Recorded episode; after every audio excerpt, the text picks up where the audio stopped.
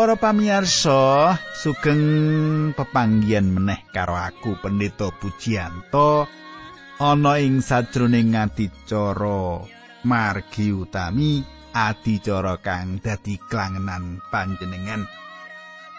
Aku matur nuwun banget karo layang kang dikirimke Bapak Marto Atmojo. Iki kados pundi Pak Marto Atmojo? Apik-apik sedaya nggih Pandunga kula panjenengan tangsa pinayungan tiring Gusti ingkang murbeng dumati. Nggih. Nah, katangku aku pendeta Pujianto bebarengan karo panjenengan kabeh ana ing adicara margutami panjenengan tak suwun wis nyawisake kabeh kang diperlokake ana ing adicara iki kitab suci, wektu lan ati. Sugeng midhangetake adicara iki.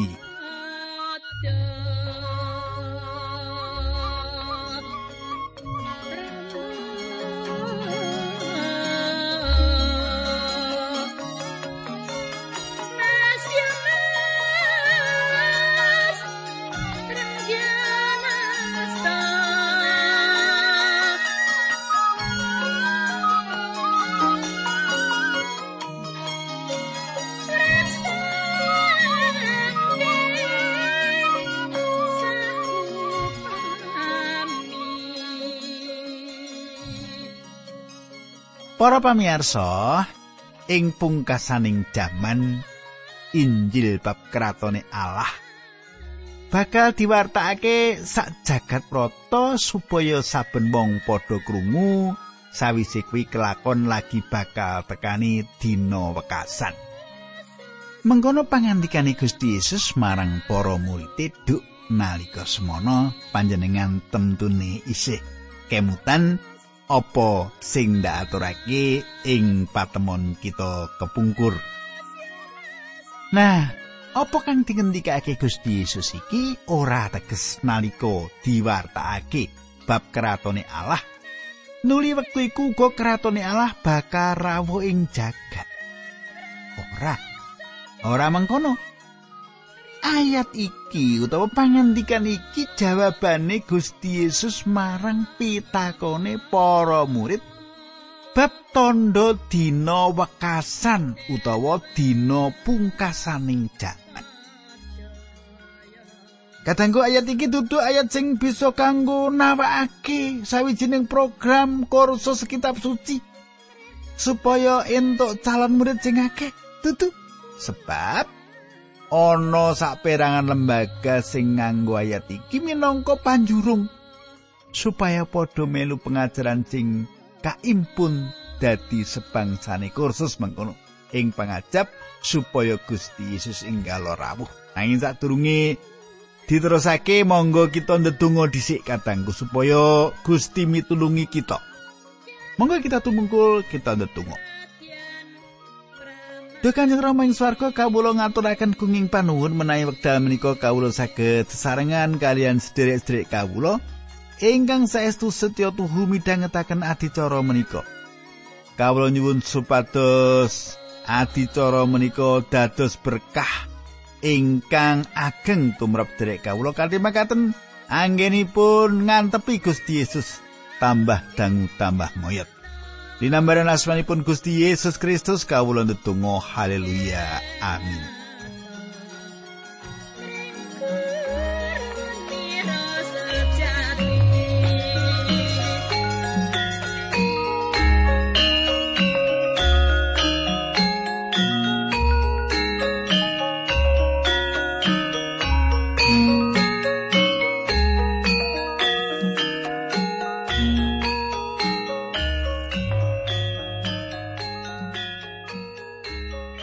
Kadangku kang ndak tresnani mongso kasangsaran.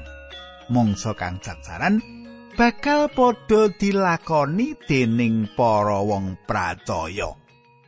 Mongso kasangsaran iku bakal padha dilakoni dening para wong pracaya. Nah, tondo-tondone apa? Ana Matius 4 ayat 15 katulis mangkene tondo-tondone. Kowe bakal ndeleng si pengrusak ambeksio ngadeg ana ing papan suci kaya sing dingendikake dening Nabi Daniel sapa sing maca padha ngudiya ngerti apa tegese makaten. Mangkono pangantikane Gusti. Nabi Daniel mbeberake bab ambeksio sing bakal dialami wong pracaya yaiku kanthi gawe rusak ing papan pangibadah lan uga duwa lan kerampas pisungsung sing diaturake marang Allah. Karo meneh bakal ngalami laku sawenang-wenang dening sak golongane wong liya. Mitraku, gambaran mau bakal nuduhake kedadian sing bakal ana. Yaiku mapanake recane antikristus ing jerone papan pamujan utawa bait Allah. Ing mangsa iku bangsa Israel sing manggon ing ngendi negara bakal bali menyang tanah Yahudi. Wektune iki tansah ana repatrisi wong Israel sing manggon ing negara liya. Kita ora golek isi ambek sio nanging mung nganti-anti rawe Gusti Yesus juru wilujeng kita. Coba panjenengan semak ing layang Titus bab loro ayat telulas. Layang Titus bab loro ayat telulas mengkene surasane. Saiki kita lagi padha nganti-anti tekani dina sing dadi pengarep-arep ya kuwi dina kebabaring kamulyane Allah Kang Maha Agung lan Sang Juru Slamet Gusti Yesus Kristus. Mengkono ayat ing Titus loro ayat telulas. Katanggu ing ayat 15 pasal 4 likur. Gusti ngendika supaya saben wong sing maca padha ngerti yo. Iki apa ategese? Iki ateges saben wong ing jaman iku sing melu maca supaya padha ngerti kersane Gusti. Supaya padha ngerti kersane Gusti. Kari nunggu wektune kedadian mau. Kari nunggu wektune kedadian mau. Coba panjenengan gatek iki. Matius 4 ayat 16. Yen kuwi kelak wong-wong sing ana ing tanah Yudia padha ngungsia menyang pegunungan. Yen kuwi kelakon wong-wong sing ana ing tanah Yudia padha ngungsia menyang pegunungan. Mitraku, yen kedadian iki ana ing tanah kita, mesti wae kita ora bakal nyingkir ing gunung-gunung tanah Yudea. Nyingkire menyang wilayah sing aman. Pancen pameco iki ora kanggo kita. kanggo wong-wong Yahudi kalebu wong-wong ing Yudea. Ayat pitulas. Wong-wong sing lagi padha ana ing payon aja padha medhun jupuk barang-barang sing ana ing omahe. Mengkono pangandikane Gusti Matius 4 ayat pitulas. Katanggu gambaran iki ditujokake dialamatake marang wong-wong ing Palestina nalika jaman semono. jalaran wangun bangunan omahe wong-wong Palestina mau ora padha karo cara pembangunane omah kita. Ora padha. Saiki ayat 18 wong sing lagi padha ana ing pategalan aja padha mulih njupuk jubai katangku yen si pangrusak sing ambek sio iku teko ora perlu mulih maneh njupuk sandangan apa dene bondo donya. Mlayu wae ninggalake papan iku, mlayu. Matius ayat 19. Mesake banget wong wadon sing wektu kuwi padha mbobot lan sing lagi nusoni. Matius 4:19 gegandingan karo wong sing bobot lan sing nusoni. Katangku ayat iki pangandikan iki ora ateges yen ora perlu duwe anak utawa wong wadon meteng bobot ora susah ora nanging kaprihatinan lan kawigaten sing ditujokake marang wong-wong wadon wong-wong sing di anak marang kahanan iku bisa kita gayutake kahanane para wong wadon sing bobot wektu iku. Sajake tambahane menungso sing ora biasa dikendhaleni ing bumi iki uga dadi salah siji tondo rawe Gusti wis cedhak. Katengku Matius 24 ayat 20. Nyenyuwuna marang Gusti Allah supaya nggonmu padha ngungsi kuwi ora pinuju mangsa rendeng utawa beneri dina sabat katangku. Luwih cetha meneh yen ayat iki ditujokake marang wong Yahudi. Sing ngabekti ing dina sabat sing ngabekti ing dina setu. Nanging kanggone kita ing dina minggu dina ing ngendi Gusti Yesus diwungokake saka antarane wong mati Matius Pak Dikur selikur sebab ing wektu kuwi bakal ana kasusahan sing gedhe banget sing durung tau kelakon wiwit jagat dititahake nganti seprene lan ora bakal kelakon meneh. Kadangku kasusahan kasengsaran gedhe sing kelakon ing dina iku ora ana tandingi. Ora ana bandingane malah kasangsaran iki kaya dene kasangsaran sing pungkasan tumrap urute manungsa ing bumi. Kesengsaran sing pungkasan tumrap uripe manungsa ing bumi. Iki dawuh Gusti Yesus ngenani kahanan sadurunge panjenengane rawuh ing bumi.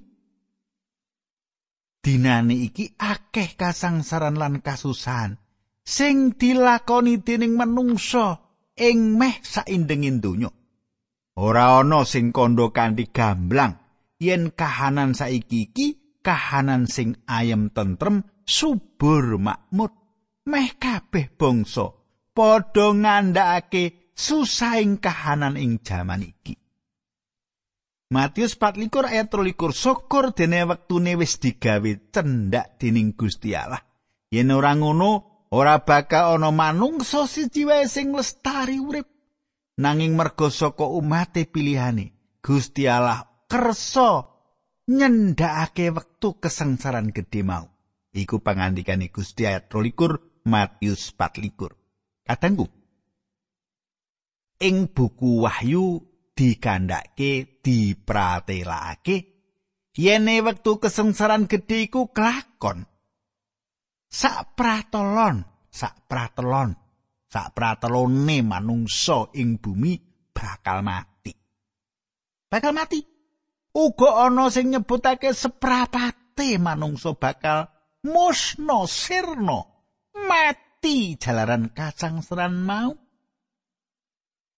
Kasangsaran jalaran perang, jalaran pailan lan pepati kedadian ing ngendi papan nganti menungso ing donya iki bakal terus kurang cacahe. Bab iki ora mokal kedadian sebab akeh negara sing padha nduweni bom nuklir upamane negara-negara mau perang.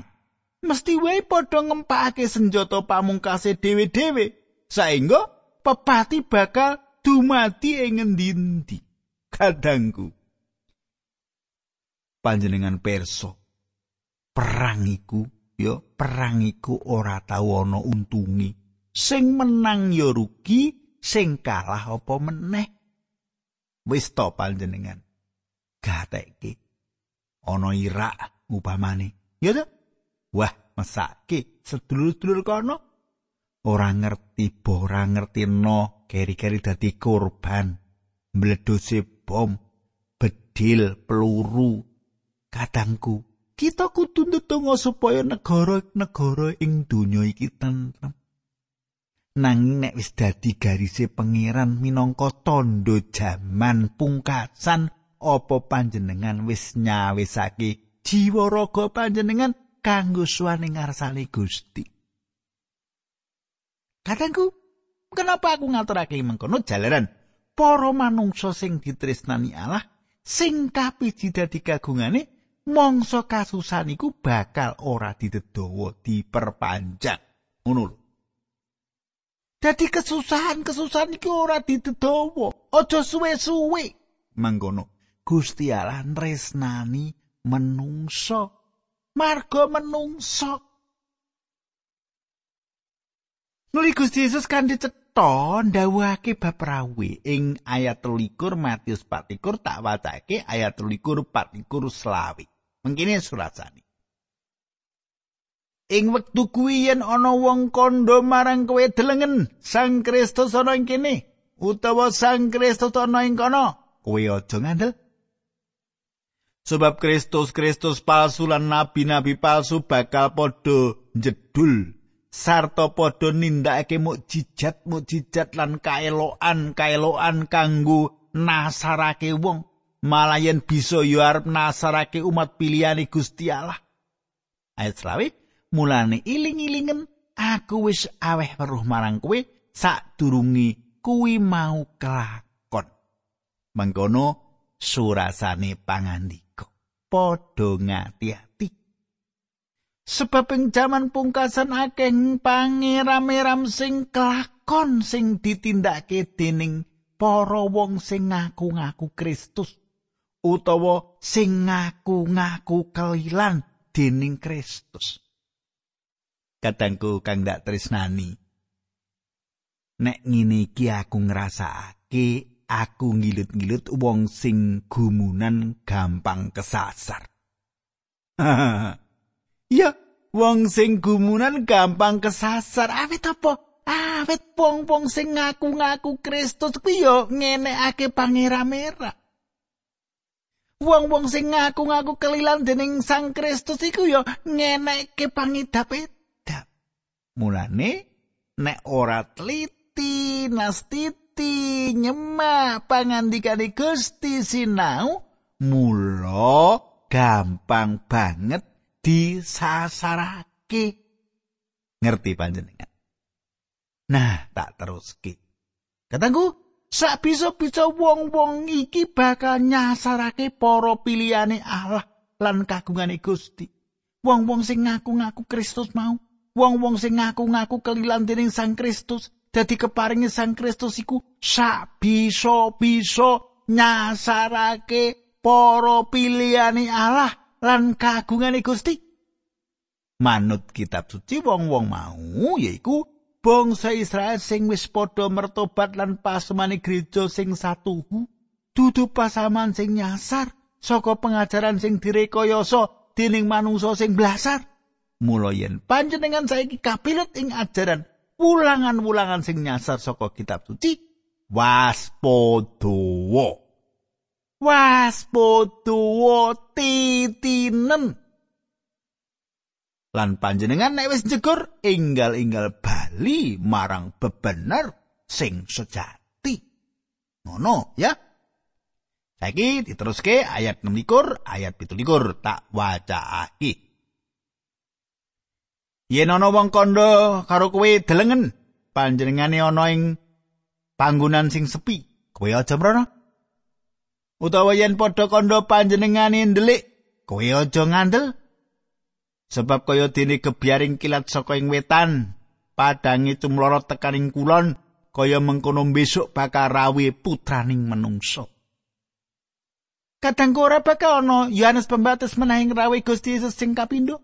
Mula waspada marang pamblituke ajaran nyasar sesat rawe bakal kanthi cetha bisa dideleng saben wong kaya dene gebyaring kirat ing petenging mendung cetha tanpa warana cetha tanpa aling-aling ora perlu diumumake sadurunge ayat 8 ing panggonane batang ya dadi panggonane manuk gagak padha ngrombel Pangandikan iki pancen angel dingerteni ing sajroning khotbah Gusti Yesus sing puntuke Gunung Saitun.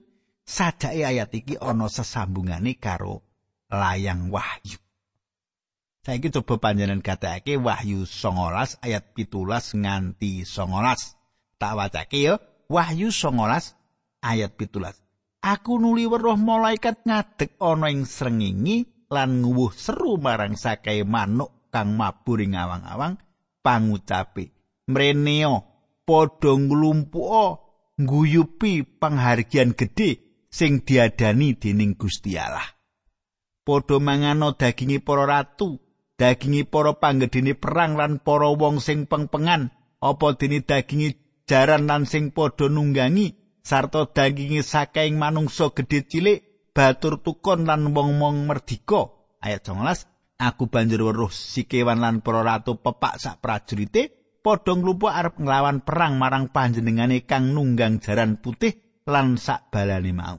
Kadangku manuk-manuk iki kadawan dening Allah padha notoli jasad-jasate manungsa kanggo matrapake paukuman Allah.